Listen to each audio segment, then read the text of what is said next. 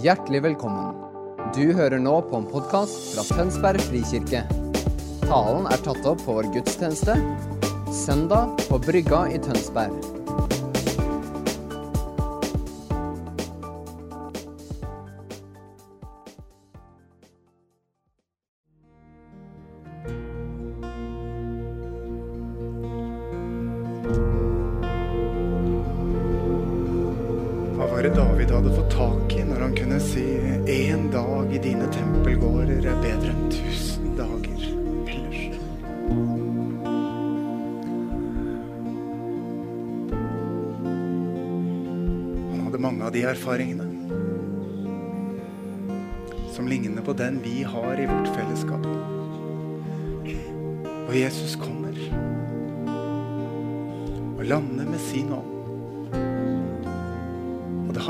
Ingenting med dine og mine følelser å gjøre. For Gud er. Og Gud er nær. Og han er ånd. Og han er ord. Og av ord og ånd skaper han alt det som er, og som er fysisk. Og det fins ingenting som er og som er fysisk, som ikke har sitt utgangspunkt i han som er ord og ånd.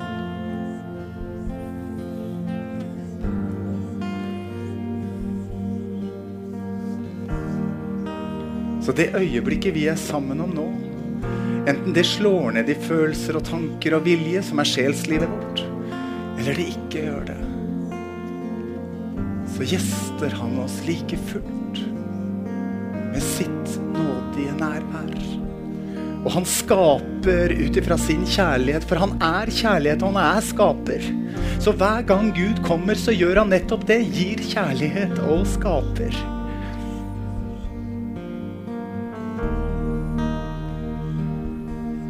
Og han er mektig til å slå opp enhver dør.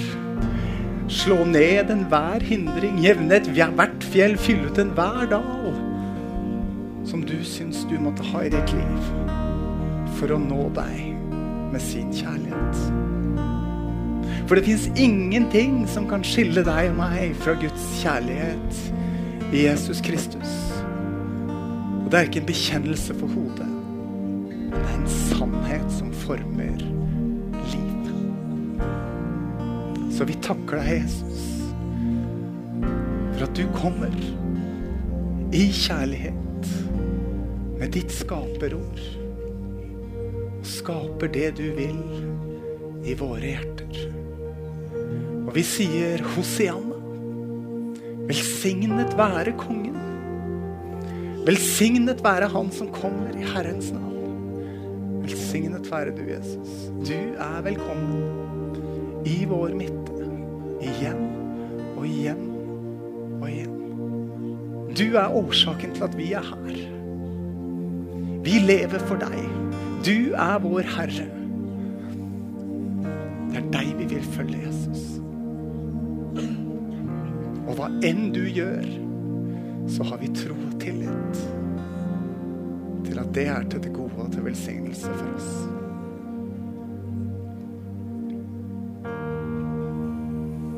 Jeg velsigner dere hver og en å holde fast ved i deres ånd det Den hellige ånd har forløst i dere. I Jesu navn. Legg merke til at jeg sa 'i deres ånd'. Ikke din sjel. Ikke din tanke. Ikke din vilje. Ikke din følelse. Men i din ånd. Den som knytter an til pappa Guds hjerte via Den hellige ånd og som har adgangen til hele himmelens virkelighet. Alltid. Det fins ikke et sekund, det fins ikke en dag, det fins ikke et øyeblikk hvor ikke du og jeg har den adgangen. Vi trenger ikke være 300 mennesker samla, leda av et fantastisk band. Du og jeg har den tilgangen Og jeg har den oppmerksomheten fra en kjærlig pappa som sier 'Jeg har talt hvert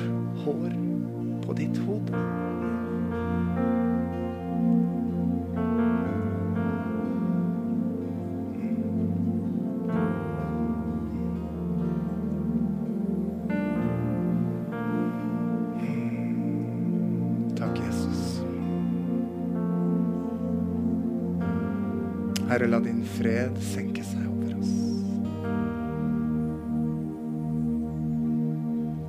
Takk, Jesus, at ditt rike består i rettferdighet, av glede, av fred.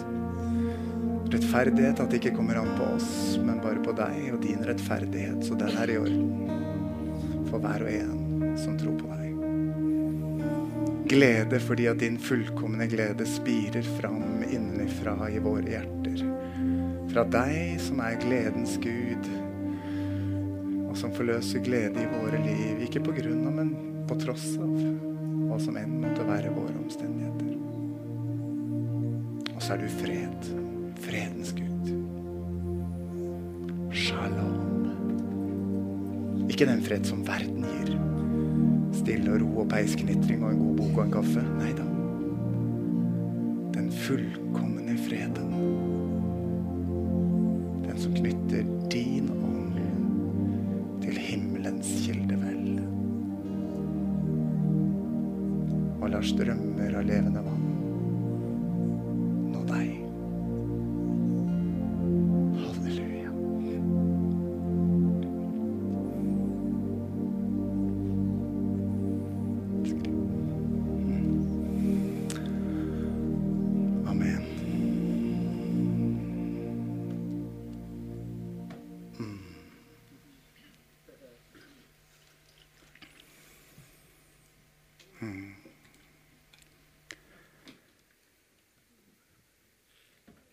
er ikke at jeg ikke vil tale. Jeg er egentlig litt uh, sprekkeferdig i dag. For Gud har lagt et budskap på meg. Men dere, den røde tråden gjennom denne helga har vært et møte med Guds ansikt. Fra begynnelse til slutt så har det handla om et møte med Guds ansikt. Og når jeg sto opp klokka seks i dag for å titte i notatene jeg hadde gjort meg på tirsdag, sånn på veien mot helga, så var jeg helt forundra over hvor mange ganger jeg hadde skrevet om Guds ansikt og et møte med Guds ansikt. Jeg hadde liksom glemt det litt. Jeg hadde feda litt ut. så skjønner jeg ok, Gud, det er virkelig på ditt hjerte. Og så er det helt unødvendig at jeg begynner å forklare om et møte med Guds hjerte og Guds ansikt når vi nettopp har et. Da er det bedre at vi erfarer det. Og så kan vi sette ord på det i etterkant. Det er alltid bedre, det, dere.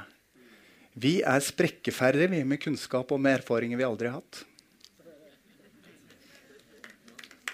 Det er helt sant. Mhm. Det er helt sant. Men det er ok. Gud er nådig. Og vi er i en sesong nå dere, hvor han tenker å endre på det. Så kunnskapen er ikke feil. Det er bare det at kunnskapen som er knytta til erfaring, blir til åpenbaring, som blir til liv. Og det er noe helt annet. Det er noe helt, helt annet. I 2010, november 2010 satt jeg i et bønnerom. Ikke så ulikt bønnerommet vårt oppe. Så skriver jeg i bønnejournalen min Gud, dette er det livet du har kalt meg til. Jeg reiser ikke herfra hvis ikke jeg får dette livet med meg hjem. Og Så sier jeg til Pål i går at det er dette livet jeg kjenner. At sildrer her nå. Hjemme. Og det er innfrielsen av løftet, for jeg hørte Gud så raskt rett etter at jeg hadde bedt den bønnen som enten var modig eller full av galskap, eller jeg vet ikke. Men han sier, 'Reis hjem, Morten, for det kommer en vår, og den kommer hjemme'. Og ved inngangen til dette året har jeg fått ta imot et ord fra Herren som først landa i mitt hjerte. Så delte jeg den med Eldsterådet, og Eldsterådet sa dette opplever vi er et ord til huset vårt. Men på veien mot åpen himmel så har jeg kjent Og jeg har slåss med Gud, dere. Det har vært en Davidskamp. Eh, Jakobskamp, mener jeg. Davidskamp. Nei, det er helt feil. Jakobskamp. Eh, kan jeg bringe fram et profetisk ord for nasjonen, Herre? Hvem er jeg til å gjøre det? Og dere får ta det imot, og så får dere prøve det. Og de av dere det lander i hjertet for, spring med det. Om det er til nasjonen, det vil ordets kraft i seg selv vise. Det er ikke mitt ansvar. men jeg må dele det med dere. Dere som vil følge med i bibler, kan gå til Åpenbaringen 3. Og vi skal også være innom Matteus 16 i løpet av, løpet av denne tidlige ettermiddagsstunda. Det har faktisk blitt ettermiddag.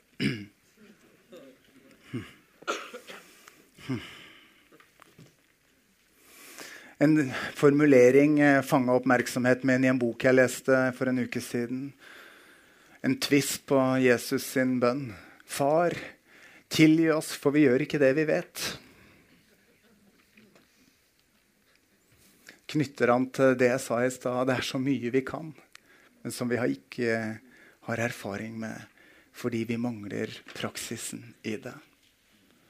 Og så er det sånn dere, at når, når pappa Gud kommer, så kommer han ikke med 15 punkter til forbedring. Pappa Gud gjør aldri det. Han kommer ikke til sin kirke og sier her er det visst, her, her var et potensial. Det er det vi ofte tenker. Det er menneskelig. Men Gud tenker her er det potensial. Hører du forskjellen? Den første her er det potensial. Det er lista med 15 feil. Men her er det potensial. Det er pappa Guds anerkjennelse av guttene og jentene sine. Med gaver og talenter og drømmer og håp og liv og familier. Som han gleder seg over, fryder seg over og ønsker å puste på. Og dere, vi har gitt vår kjærlighetsgave til Leif sin tjeneste og fokusert på Pakistan og mørket. Men mørket i Norge, dere, er at Gud er definert til en sektor. Eller definert ut. Istedenfor å bli gitt rommet som herre i våre liv. Det vi var i nettopp, den erfaringen av at han kommer, det er skatten mannen solgte alt for å sikre seg. Det er perlen man ga alt for å eie. Og dere, vi har fått det viktigste. Vi har fått det beste. Og alt det andre er som velsignelser i tillegg. Men jeg opplever virkelig at det ligger på Guds hjerte å endre virkelighetsbildet vårt. For mørket i Norge er at han har fått en sektor i noens liv for religiøs interesse. Eller i verste fall er definert ut. Men vi som har fått ta imot og erfare hans godhet og kjærlighet og kraft, har et kall og et mandat til å gå ut i denne verden som et gjenskinn av hans kjærlighet og godhet. For det lengter folka her ute etter. Og hvis noen av dere tenker ja, hva, hvor begynner jeg da, så er det feil spørsmål. For det handler ikke om hva du og jeg begynner med.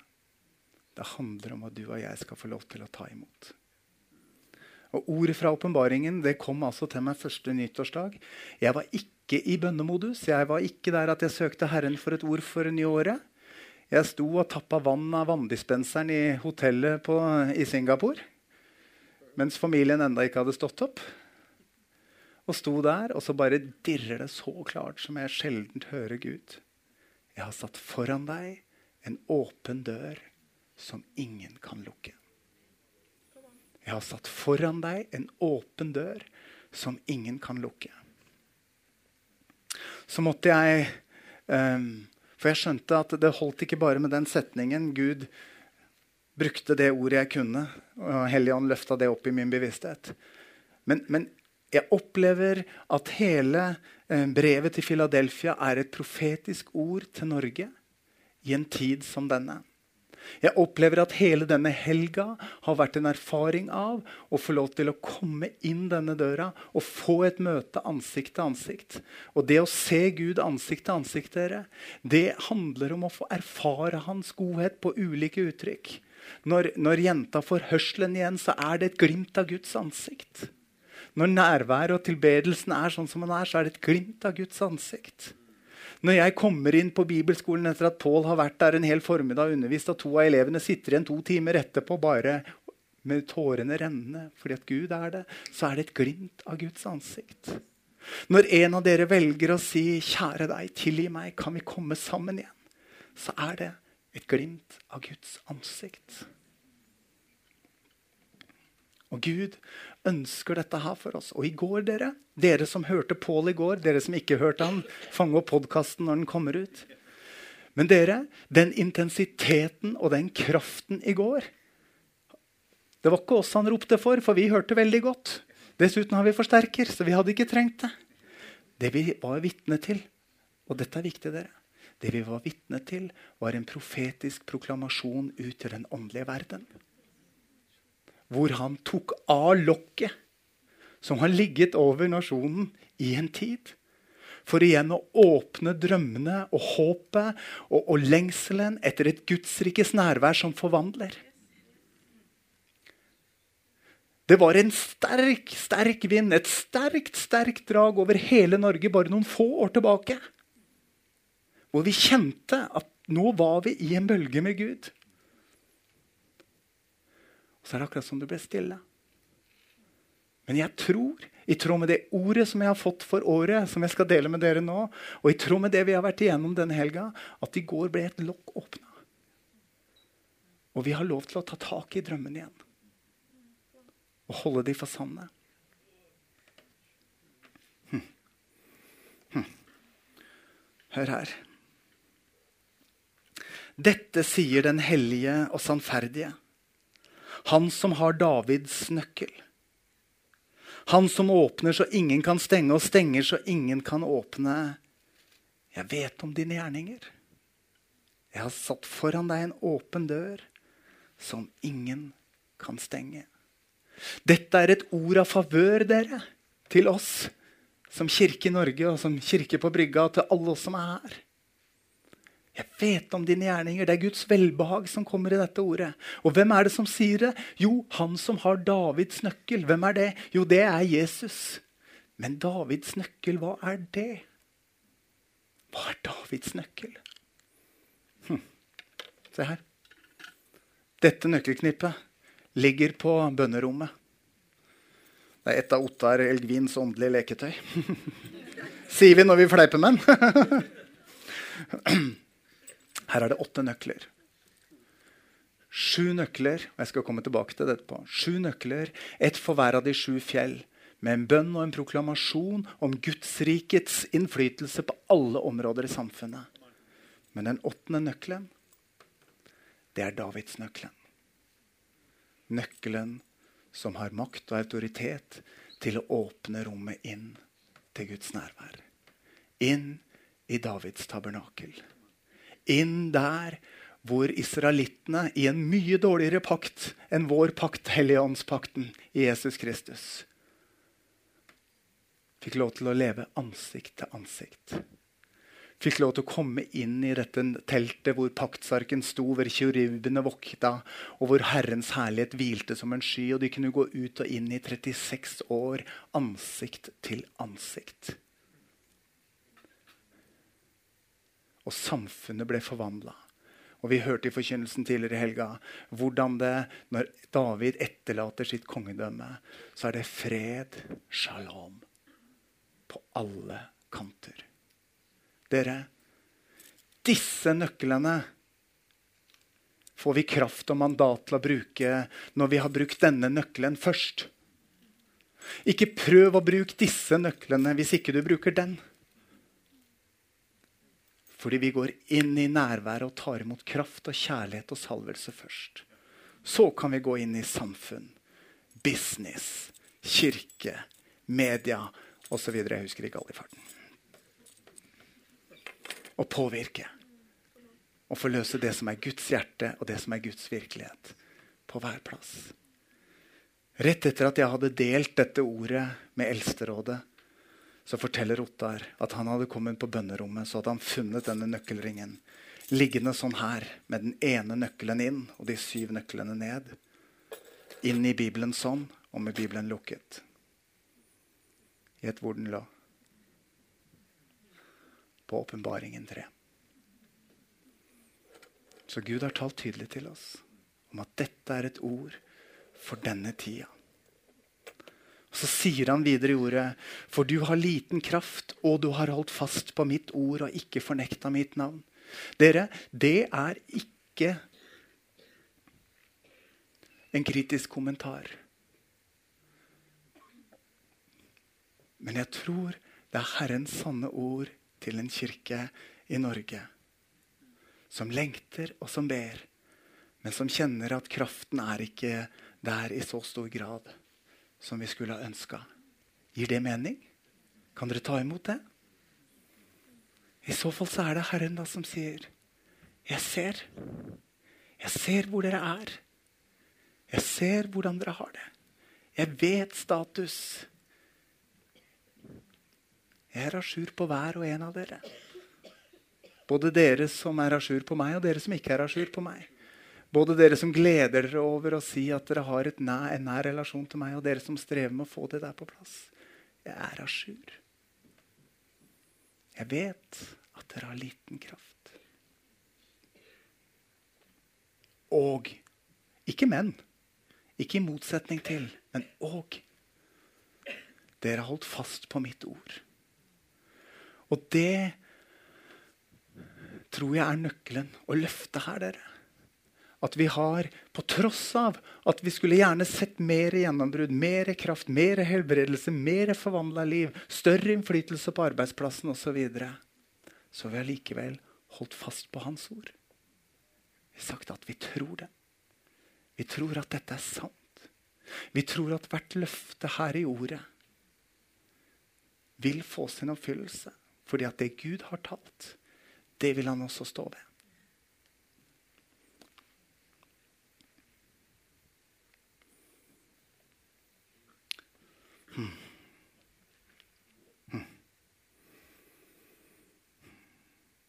Det står et underlig vers her. Jeg må kommentere det òg.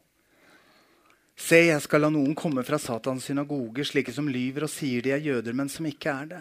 De skal komme og kaste seg ned for føttene dine, og de skal forstå at jeg har elsket deg. Vær ikke så opptatt av å prøve å finne ut hvem de er. Vær så snill.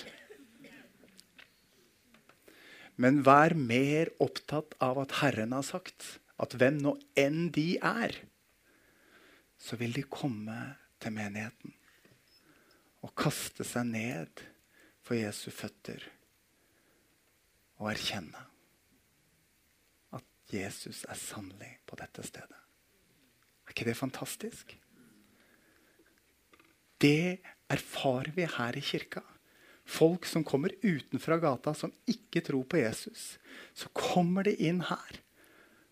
Og så tar de imot Jesus fordi de kjenner at på dette stedet er Gud. Hvis du lengter etter at det skal bli virkelig på ditt hjem, og i din hjemplass og din menighet, så ta det. For dette er Guds ord. For denne tida. Hvis dette er et profetisk ord, så er det for nå. Det har stått der hele tiden, men jeg tror det er for nå. At mennesker skal komme som aldeles ikke var på laget, og som aldeles ikke anerkjente hva menigheten holdt på med. Men de skal bøye seg og gjenkjenne at Herren er på dette stedet.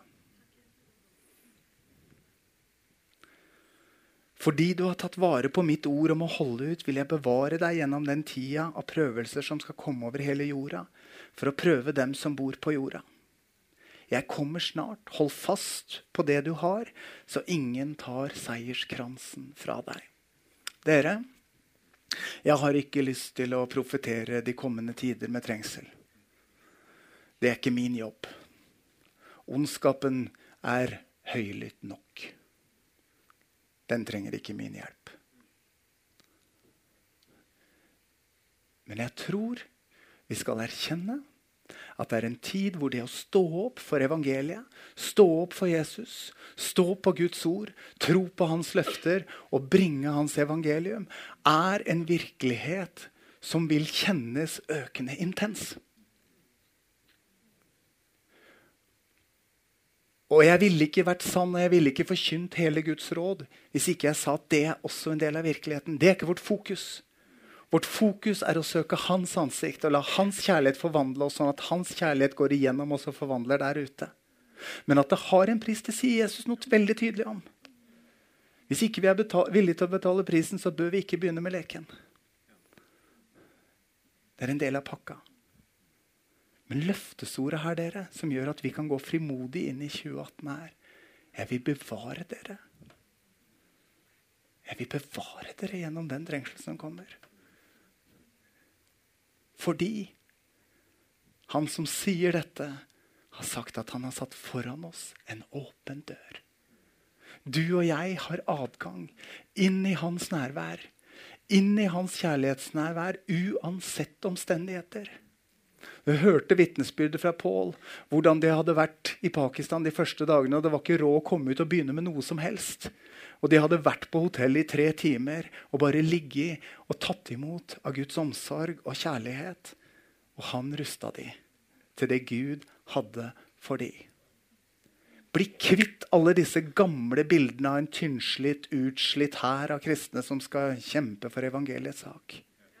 Og få på plass det nye bildet at kjærlighetsfylte, frimodige, oppreiste kristne som kan flyte i velsignelse og kjærlighet. Og den kraften er mye større enn mørkets kraft.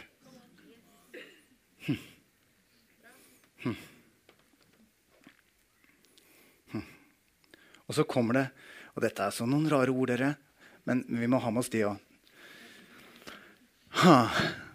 Den som seirer, vil jeg gjøre til en søyle i mitt tempel. Jeg vet ikke hvor mange av dere som har lyst til å bli søyle.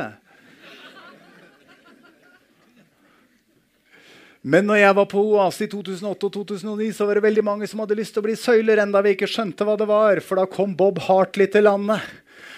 Og så snakka han om en new constitution of rights. Og vårt land slo det opp at profeten sier at vi skal få en ny grunnlov i landet. Ha-ha-ha.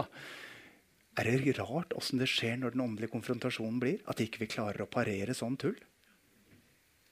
Men det var jo en ny frihet for Guds folk det handla om. Og så sier han Gud ser etter adoration pillars. Og mange av oss var så fylt av Guds ånd på den tida, eh, fordi han, for nærværet var der. At vi sier ja, samme for meg, jeg vet ikke hva det er, men jeg vil ha det. så vi signa inn. Men det er jo dette, dere. Det er ikke mer enn ti år siden at profetien får sin oppfyllelse i et nytt ord fra Herren om at han vil gjøre oss som sier ja til å gå inn i hans nærvær. Inn gjennom den åpne døra. Til søyler i hans tempel. Dette blir mye åndelig språk. Hva betyr det? Jo, du og jeg, vi er et tempel for Den hellige ånd. Og vi er huset av levende steiner. Og huset trenger søyler for å holdes oppe. Der troens fellesskap kommer sammen i tilbedelse og kroner Jesus som Herre, vil han råde ved sitt nærvær, ved sin ånd. På en sånn måte at mennesker kan komme inn og bli forvandla av hans kjærlighetsnærvær. Ikke i tanke, vilje og følelse men i sin ånd så forvandler både kropp og sjel. Så når vi sier ja til å ta imot invitasjonen om å gå inn, så gjør han oss til disse søylene som skaper, holder et hus oppe, som mennesker kan komme inn og møte Gud i. Kan dere ta imot dette ordet? Jeg tror virkelig det er et løftesord fra Herren til denne tida. Og Legg merke til de av dere som nå tenker at dette kan høres ut som en litt sånn anstrengt åndelighet. Hør Hanne Therese sin tale en gang til, da. Guds nærvær i Gamle testamentet lærte hun oss i går, og minte hun oss om i går. Er det samme som Guds ansikt. Vårt fokus er ikke å dra ned noe nærvær, men å feste blikket i Guds øyne, som elsker. Og resten er konsekvenser. Resten er konsekvenser.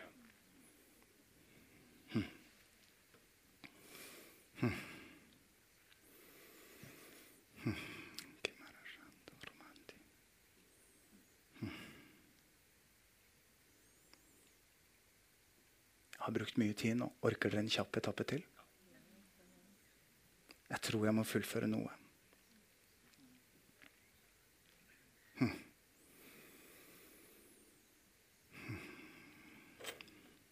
Matteus 16.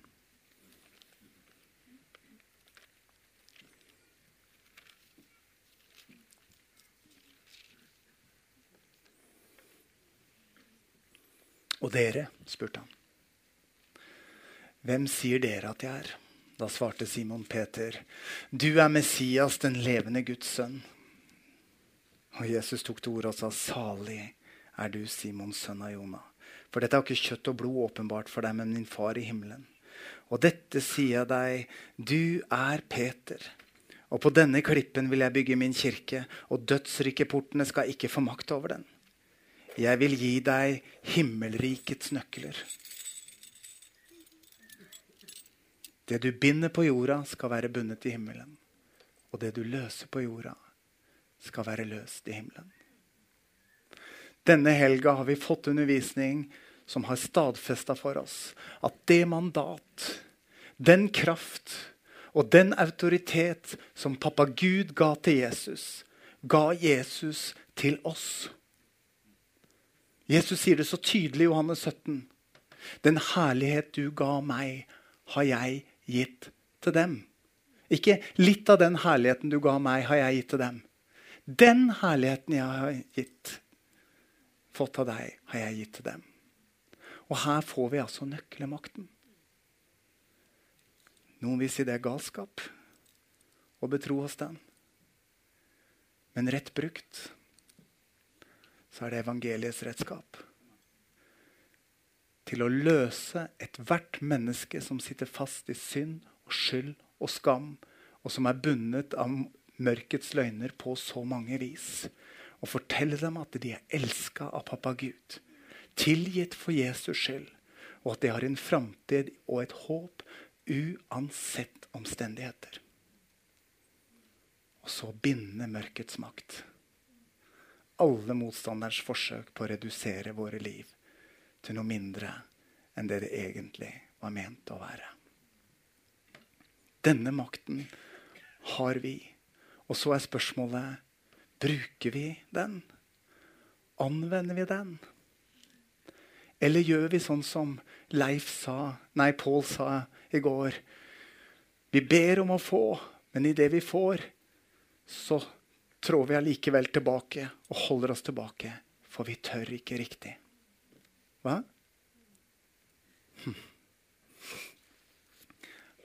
Jeg har lyst til å skryte litt av kona mi. Får jeg lov til det?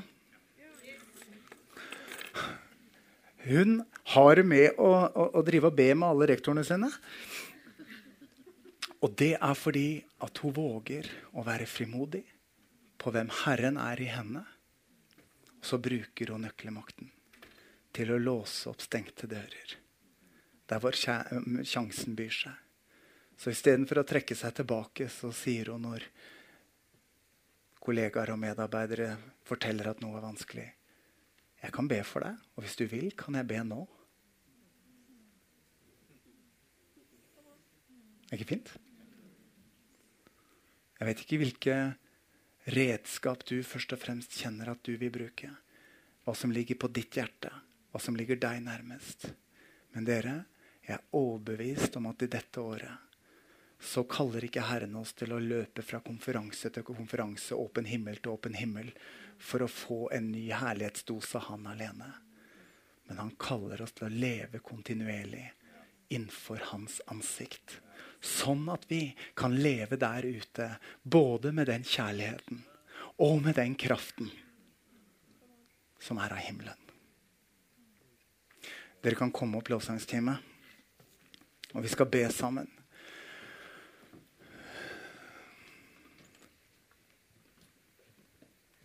Og Jeg ønsker ikke at noen av dere nå skal kjenne på noe som helst press i noen som helst retning. Og jeg skal ikke gjøre det enkelt for dere engang. Men jeg ønsker at dersom du kjenner at du kan ta imot dette ordet som et ord fra Herren til deg over dette året. En invitasjon til å gå gjennom den åpne døra. En invitasjon til å få lov til å leve ansikt til ansikt. En invitasjon til å få slutte å, å basere kristenlivet på følelsene og på egen vellykkethet. Men på vissheten om at vi lever i Guds nærvær og i Hans kjærlighet hver eneste dag. Så hørte vi på bønnemøtet i dag at Jesus sa at han til og med står utenfor døra og rekker ut hånda til dere som syns at veien fram og gjennom er vanskelig. Han ønsker å ta deg i hånda, Jesus, og følge deg gjennom den åpne døra. Inn til sitt herlighetsnærvær. Til og med veien inn dit, sier han, kan du overlate til han. Ikke tenk først og fremst på nye åndedisipliner. disipliner. Er bra, men ikke tenk på det først og fremst. Vil du ta imot i ditt hjerte invitasjonen til å gå gjennom den åpne døra, så vil jeg invitere deg til å reise deg nå. Både her i salen og dere som sitter i overføringssalene. Jesus er akkurat like mye der.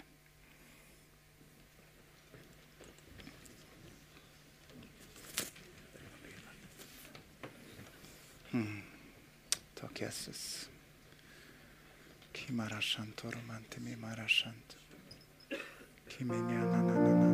Herre Jesus.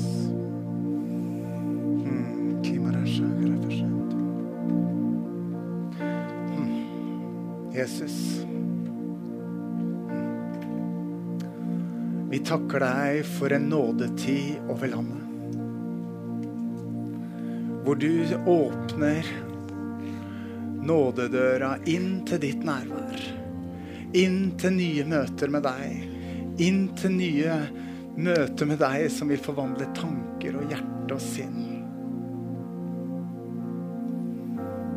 Takk, Herre, for møter med deg som kaller fram igjen håp.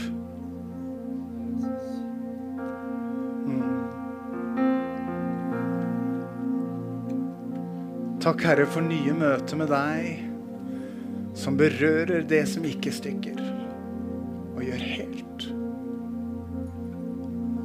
Herre Jesus, vi bekjenner for deg. Hmm. Vi ønsker ikke å leve for oss selv, men for deg som døde og sto opp for oss. Vi ønsker ikke å leve bortenfra på avstand, men vi ønsker å leve i sønnekåret vårt. I ditt hus i din nærhet. Alle våre dager, alle våre øyeblikk. Mm. Mm. Så kom Helligånd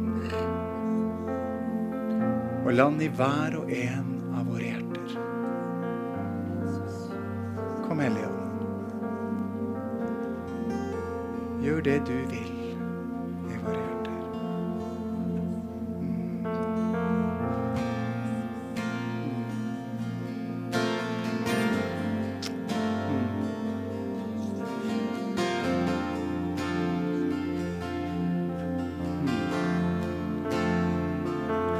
Tvinger ikke, men han står der med hånda utdrakt. Og så sier han, ta steget inn. Som en bekjennelse og som en overbevisning. Beslutning, mener jeg. Som en bestemmelse og som en beslutning. Jesus, jeg vil leve i din nærhet. Uansett omstendigheter. Uansett mine følelser. Jeg vil leve fra din kjærlighet og ikke for din kjærlighet.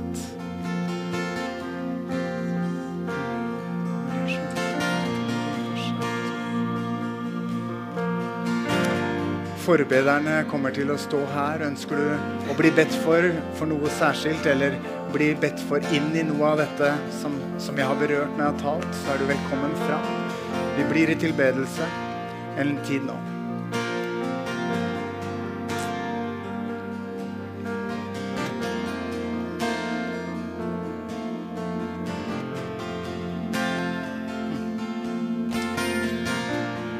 Her er et ord som noen i fellesskapet har blitt minnet om. Jeg leser det opp, og så tar du det til hjertet ditt.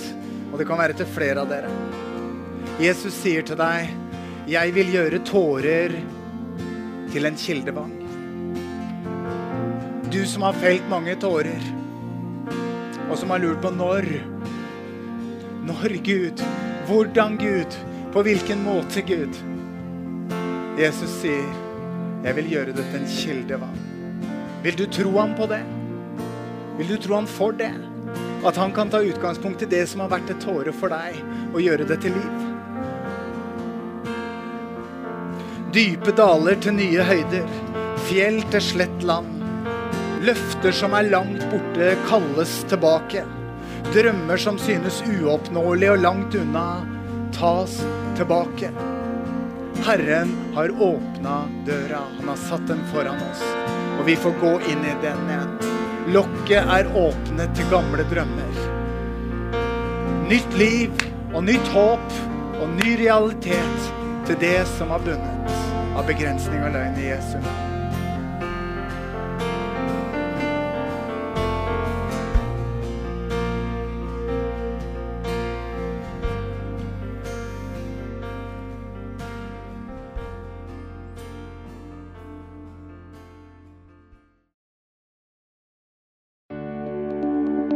At du hørte på vår podkast.